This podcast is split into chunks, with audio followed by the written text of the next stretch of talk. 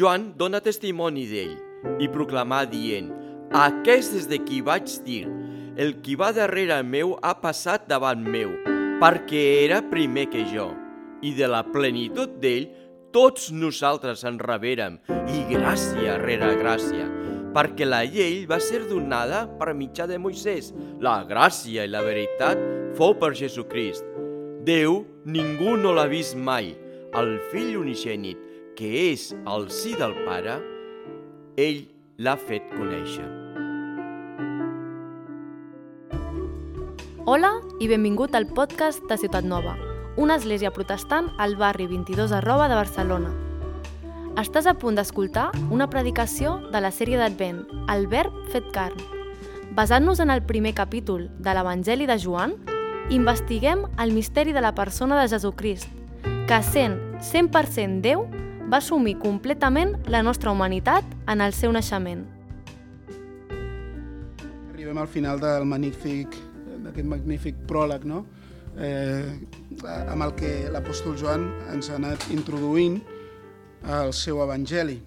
I d'aquesta manera també acabem el nostre recorregut d'Advent, tot celebrant que avui és Nadal, oi?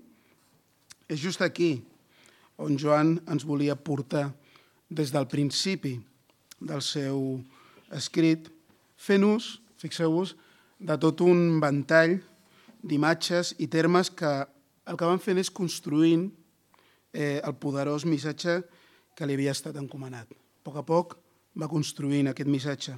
El verb etern de Déu, l'autor de la vida, la llum dels homes, s'ha fet carn i ha esdevingut un de nosaltres en la persona de Jesucrist. És molt gran el que Joan ens presenta en aquest pròleg, no, no podem dir-ho d'altra manera, i per més que aixequés la veu no podria fer-ho més important, oi? Es tracta del relat més gran que mai s'ha explicat en la història de la humanitat. Déu, el Senyor i Creador de l'univers, va davallar des de la seva majestat i glòria més absoluta a la humil condició d'un nadó indefens i vulnerable. La llum del món va trobar refugi temporal en la foscor i fredor d'un pessebre als afores d'una insignificant eh, vila, oi? d'un poblet, situat a la remota província romana de Judea.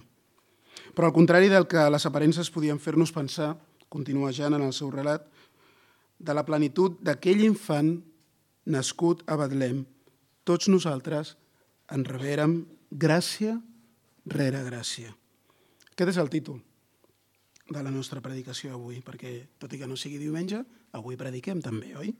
Gràcia rere gràcia. Perquè, de fet, aquest és el missatge no només del Nadal, sinó, de fet, és el missatge mateix de l'Evangeli. L'escriptor i també pastor escocès de finals del segle XIX, George MacDonald, que fou admirat i també va servir d'inspiració per autors tan importants com Tolkien o C.S. Lewis, va dir que el Nadal és el dia que beneeix la resta dels dies de l'any. El Nadal és el dia que beneeix la resta dels dies de l'any, perquè en el cor del Nadal, just en el centre, hi trobem el missatge de pau, d'esperança i de bona voluntat de Déu envers els homes. És a dir, un missatge de gràcia, un missatge de gràcia, que és el terme, aquest terme gràcia, que els autors bíblics fan servir per parlar-nos del favor no merescut amb el que Déu tracta a una humanitat, que som nosaltres, rebel, que com Joan explica molt bé en aquest pròleg, prefereix viure d'esquenes i en la foscor del seu pecat que no pas viure a la llum de Déu. Però malgrat tot, en comptes de tractar-nos amb la duresa que el nostre pecat mereix. Déu enviar el seu fill al món. De manera que els qui creguin en ell, aquells que dipositin la seva confiança en ell, puguin experimentar el goig de la salvació. I això només és possible per gràcia. Ja, ja ho diu el pròleg, oi? No és per la voluntat de l'home, per la voluntat del que engendra no és per herència, no és per als nostres propis, la nostra pròpia determinació, oi? Sinó per gràcia de Déu. Només és possible per gràcia. Una gràcia de la qual Joan ens diu, tot just en el verset 14, que Jesús n'era ple. Jesús era ple de gràcia i de veritat. I, de fet, aquesta expressió que Jesús era ple ens ajuda a entendre precisament el títol de la nostra predicació, gràcia rere gràcia. Fa uns anys, segurament alguns de vosaltres ho teniu gravat en la ment, a foc, concretament el 27, 27 d'abril de 2012, tots aquells que són barcelonistes, rebíem una, una notícia, un cop. Rebíem amb incredulitat el fet de que Pep Guardiola deixava el seu càrrec com a entrenador. Us en recordeu? Veig algú que li surt una llagrimeta, fins i tot, no? Per què? Per què era tan dramàtic? Perquè després d'haver de, signat possiblement la millor etapa en la història del club, 13 títols en 4 temporades i un estil de joc increïble, encara ens en recordem, oi? El Pep anunciava que havia arribat l'hora de marxar. Quin era el motiu? En les seves pròpies paraules, fixeu-vos què diu. M'he buidat. M'he buidat. M'he desgastat i necessito omplir-me. He de recuperar-me i descansar perquè si no probablement prendria mal. M'he buidat. I tots ens podem sentir d'una manera o altra identificats amb aquestes paraules, oi? Perquè en algun moment o altre en la nostra vida ens hem trobat doncs així, no? cansats. Ens hem trobat que ho hem donat tot. I si no, és qüestió de temps perquè puguis experimentar-ho en algun moment, no? Per què? Perquè humanament parlant, els recursos de què disposem són limitats. Les nostres forces són limitades. Però no és així amb Jesús.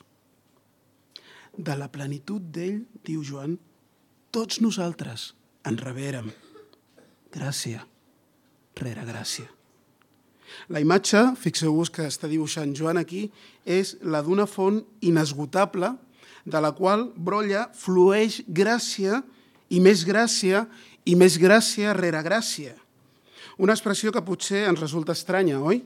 Però que Joan li és d'ajuda per continuar explicant el fet meravellós de Jesús a la llum de l'Antic Testament, tal com ha estat fent al llarg de tot el pròleg i tal com nosaltres hem pogut anar veient en el recorregut que hem fet junts durant aquestes setmanes de la nostra sèrie d'Advent. Gràcia rere gràcia. Perquè la llei fou donada per mitjà de Moisès, però la gràcia i la veritat fou per mitjà de Jesucrist. El conegut teòleg i predicador, predicador canadenc Donald Carson explica que quan era un jove estudiant de química, segur que heu sentit a eh, parlar de Donald Carson o potser l'heu sentit a parlar o heu llegit algun comentari d'ell, eh, doncs abans de ser el gran teòleg que és, eh, era un jove estudiant de química i de matemàtiques a la Universitat de McGill, i allà a Montreal, a Canadà. I va conèixer un estudiant del Pakistan que feia la seva estada doctoral allà a Canadà. I, per tant, aquest estudiant pakistanès, que era més gran que ell, perquè feia el doctorat, mai abans no havia tingut l'oportunitat de conèixer de prop a cap cristià, i molt menys mai havia tingut l'oportunitat de llegir una Bíblia. Es van fer amics i sovint parlaven sobre l'islam i el cristianisme. Fins i tot, en Donald Carson li va regalar un Nou Testament i li va dir eh, comença potser a llegir a partir de l'Evangeli de Joan. Una tarda, eh, Carson va convidar el seu nou amic a fer una ruta turística per diferents edificis importants del país i se'n van anar a Ottawa. Anaven en grup i amb un guia al capdavant. En arribar a l'edifici del Parlament, el guia va explicar eh, bueno, hi havia unes estàtues que eh, es trobaven a les afores, com una mena de, de, no sé, com si estiguessin custodiant l'edifici d'aquelles estàtues molt importants, i llavors eh, el guia va explicar, no? bueno, aquí hi ha l'estàtua d'Aristòtil, perquè el govern ha d'estar fonamentat sobre el coneixement, oi? Aquí també trobem, una mica més enllà, l'estàtua de Sòcrates. Per què? Perquè el govern ha d'estar fonamentat en la saviesa. I així es anava parlant i va arribar una estàtua, la de Moisès. Per què? Perquè el govern ha d'estar fonamentat en la llei. I de sobte, aquell pakistanès musulman va preguntar on és l'estàtua de Jesucrist? El Donald Carson no sabia a què venia la pregunta i el guia també li va agafar una mica de sorpresa i com solen fer els guies davant d'una pregunta inesperada va dir ah, perdó? Llavors l'amic de Donald Carson, com solen fer els estrangers, tant dona d'on siguin, oi? quan creuen que potser el seu accent fa difícil la comunicació, què va fer? Va tornar a fer la mateixa pregunta, ara pronunciant les paraules a poc a poc, però augmentant lleugerament la seva veu. On és Jesucrist? I en aquell moment explica Donald Carson que bueno, ja no era només el seu grupet, sinó tres diferents grups que es trobaven per allà, per les contrades, i els seus guies respectius, els que es van quedar tots parats, escoltant la pregunta del seu amic pakistanès. On és Jesucrist? La qüestió, explica Carson, és que el seu amic havia estat llegint l'Evangeli de Joan. I l'havia estat llegint no com fem nosaltres, no? que ens volem llegir la Bíblia en un any i uh, llegim molt ràpid, sinó que l'havia llegint a l'estil com llegeixen eh, doncs, les cultures orientals no? Doncs el llegia, meditava, tornava a llegir-lo a poc a poc, eh, eh, doncs païnt, eh, saborejant d'alguna manera el text. No? I havia arribat just aquest passatge on diu que mitjançant Moisès vam rebre la llei, però mitjançant Jesús vam rebre la gràcia i la veritat. On era Jesucrist? Es demanava aquell musulmà. On era Jesucrist en la institució més important d'un país cristià com Canadà? Cal entendre, com sembla ser que ho va entendre molt bé l'amic musulmà de Donald Carson, que la llei rebuda mitjançant Moisès va ser també expressió de la gràcia de Déu. Va ser expressió de la gràcia de Déu. Per això a ell no li estranyava que hi hagués Moisès, hi hagués la llei, és l'expressió també de la gràcia de Déu.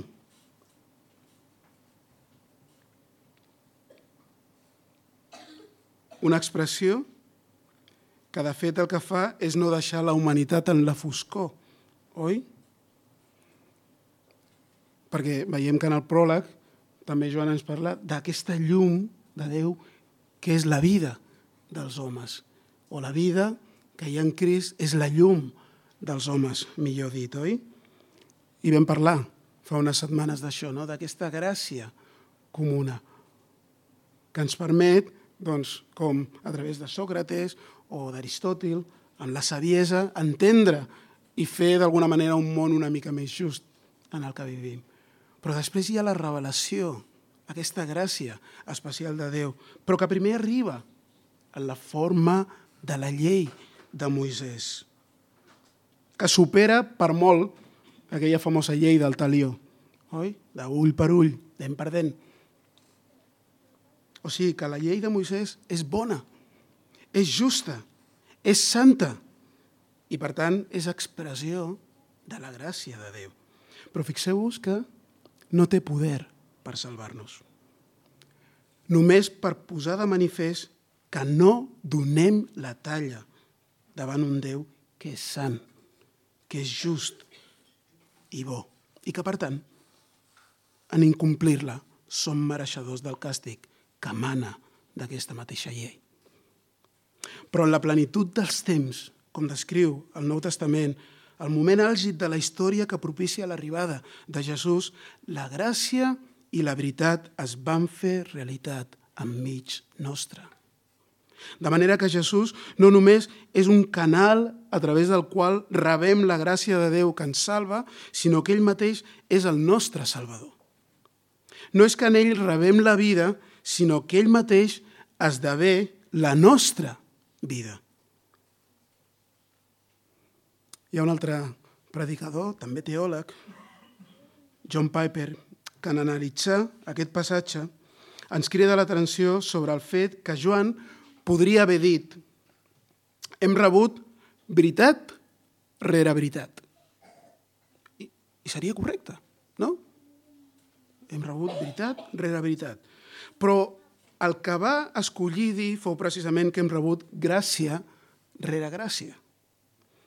I el que és més curiós sobre aquest fet és que la paraula gràcia mai més tornarà a aparèixer en aquest evangeli. Només apareix en el pròleg. Mentre que el terme veritat o veritable o cert apareixerà unes 55 vegades més en les seves diferents variants al llarg de l'Evangeli. Per tant, és a dir, Joan no minimitza la veritat en el seu, en el seu Evangeli. Al contrari, li dona molta importància.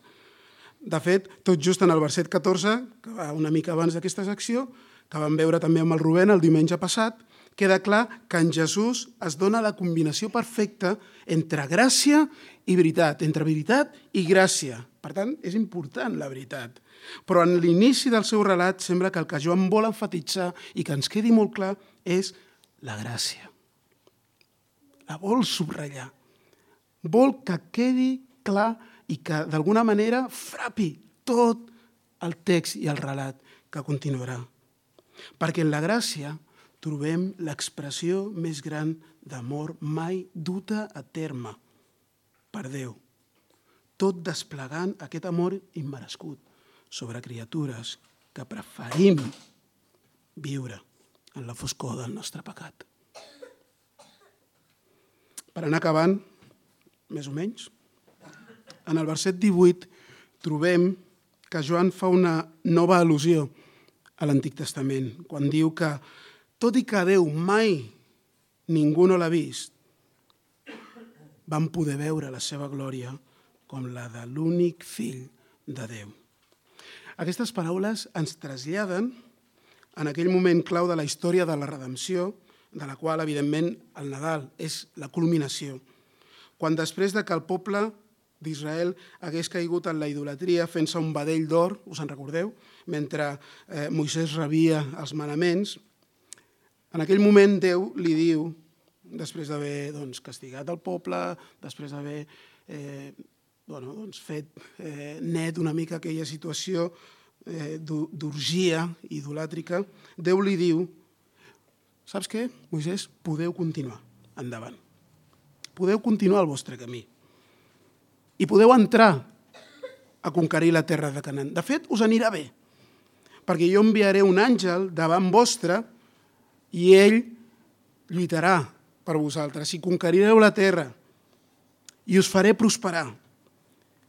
Però jo no aniré enmig vostre.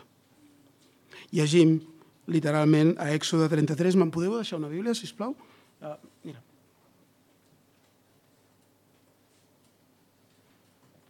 Llegim literalment a Èxode 33, no? Verset 3. Per fer-te entrar a una terra que regalima llet i mel. És el que Déu li diu, no? Neu, perquè no pujaré enmig teu, perquè ets un poble dur, de bescoll, no sigui que et consumeixi pel camí. Déu li diu, aneu, però jo no aniré amb vosaltres. I continuem, si continuem el text, una mica més endavant, en el verset 12, diu, i Moisès llavors va dir al Senyor, mira, tu em dius, fes pujar aquest poble, però tu no em fas conèixer qui enviaràs amb mi. I tu m'has dit, t'he conegut pel teu nom i també has trobat gràcia als meus ulls. Ara jo et prego, si he trobat gràcia als teus ulls, fes-me conèixer el teu camí. Et prego i et coneixeré, a fi que trobi gràcia als teus ulls i considera que aquesta gent és el teu poble. I ell digué, la meva presència anirà amb tu i et donaré repòs. I ell li digué, si la teva presència no va amb mi, no em facis pujar d'aquest lloc. I ara, en què es coneixerà que he trobat gràcia als teus ulls, jo i al teu poble? No és en que tu vas amb nosaltres? i nosaltres jo i el teu poble hem estat distingits de tots els pobles que hi ha sobre la faç de la terra. Seguiu una mica la trama, que és el que està succeint? Déu els hi dona, en un sentit, la seva benedicció. Aneu, us anirà bé, però jo no aniré amb vosaltres, perquè sou un poble dur de bescoll. I el relat continua explicant que llavors Moisès demana a Déu que li mostri la seva glòria. Quan Déu li garanteix que anirà amb ell. Mostra'm la teva glòria. I llegim que Déu li diu, no, la meva glòria no et mostraré, perquè ningú pot veure Déu i viure. No pots veure la meva faç, llegim el verset 20, perquè cap home no pot veure'm i viure. I llavors el Senyor va dir, heus aquí, hi ha un lloc vora meu i tu t'estaràs dret dalt de la roca. I esdevindrà que quan passi la meva glòria, jo et ficaré dins una esquerda de la roca i et cobriré amb el meu palmell fins que hagi passat. Després apartaré el meu palmell i tu veuràs la meva esquena, però la meva faç no es podrà veure. Moisès li demana veure el rostre de Déu, veure la seva glòria. I Déu li diu, no pot ser, però et faré un lloc i et permetré veure la meva esquena. Així com de fugaç. I llegim a Èxode 34, versets 6 i 9, el que Moisès va sentir quan va passar la glòria de Déu. I ja ve passar davant del seu rostre i proclamar, ja ve, ja ve, Déu compassiu i misericordiós, lent per a la ira i gran en bondat i veritat, que mantens la teva misericòrdia a milers i perdones la iniquitat i la transgressió i el pecat, i certament ell no deixa sense càstig el culpable, visitant la iniquitat dels pares sobre els fills i sobre els fills dels fills fins a la tercera i la quarta generació. I Moisès llavors s'afanyà i es prosternà fins a terra i adorar. I digué, plau, si he trobat gràcia als teus ulls, Senyor, et prego que el Senyor vagi enmig nostre, encara que aquest poble és dur de bescoll. Perdona la nostra iniquitat i el nostre pecat i pren-nos com a herència teva. Potser és una mica enrebaçat, oi? Però fixeu-vos que tenint tot aquest rerefons en ment, podem entendre una mica més bé el que Joan vol transmetre en aquest pròleg. Perquè aquest pròleg és una introducció molt treballada i molt documentada de tots els temes principals que després anirà desenvolupant al llarg de tot l'Evangeli. Però en si mateixa ja ens deixa clara l'essència del missatge que ens vol fer arribar.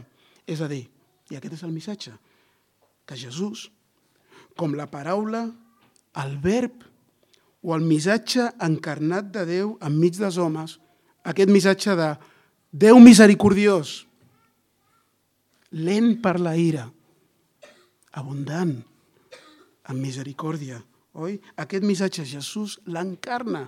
Ell és la gràcia de Déu. Ell és la llum de vida i expressió mateixa de la seva glòria que brilla enmig de la foscor d'un món que viu d'esquenes al seu creador. En aquest missatge, que és el missatge de Nadal, en essència, hi ha esperança. Hi ha esperança per una humanitat trencada. Hi ha esperança de perdó. Hi ha esperança de reconciliació i de pau amb Déu. Tot i la duresa que el pecat produeix en els nostres cors. Hi ha esperança si acceptem aquest evangeli. Fixeu-vos què va dir l'apòstol Pau, l'apòstol Pere, perdó, en la seva primera carta, capítol 2, verset 10. Vosaltres, i ens està parlant a nosaltres també, eh? que en altre temps no éreu poble, ara sou poble de Déu. Vosaltres, que no havíeu obtingut misericòrdia, ara heu obtingut misericòrdia. En definitiva, en aquest missatge hi ha una esperança gloriosa. Perquè tot i que Déu ningú no l'ha vist mai, com insisteix Joan, d'acord al testimoni bíblic que acabem de llegir, el seu fill unigènit, que viu en íntima i, i, i, i eterna comunió amb el Pare. Ell l'ha fet conèixer. I sabeu què vol dir això de que ell l'ha fet conèixer? El fill ha explicat en termes que nosaltres podem entendre a Déu. Ha fet exègesi de Déu. L'ha apropat a nosaltres. I aquest és el missatge de Nadal. I normalment nosaltres quan ens apropem a algú és perquè ens agrada aquella persona, oi? Però Déu s'apropa a nosaltres encara que som desagradables a ell. No som amables, no som mereixedors del seu amor. Però el missatge del Nadal és que Déu s'ha apropat a nosaltres en Crist i s'ha explicat a si mateix. Per tant, conèixer Jesús és conèixer el Pare. I és només d'aquesta manera, en ell i per ell, que podem tenir accés a aquesta comunió íntima, personal, amb el Déu que se'ns va apropar, també de forma, podríem dir, íntima i personal, en aquell nadó nascut a Betlem, i que és l'articulació i l'expressió perfecta, exacta, precisa i plena de gràcia que han rebut en lloc de la gràcia rebuda abans d'aquell primer Nadal en forma de llei. I aquesta gràcia la continuem celebrant avui, 2.000 anys després d'haver estat proclamada. Un acte, aquest, de la gràcia de Déu, que va portar el verb etern, la llum dels homes, a néixer en la foscor i en la fredor d'aquest món, fins a arribar ell, l'autor de la vida, a donar la seva pròpia vida en la nit més fosca que aquest món mai ha conegut, per tal de que nosaltres, que vivíem allunyats en la foscor més absoluta, incapaços de veure Déu,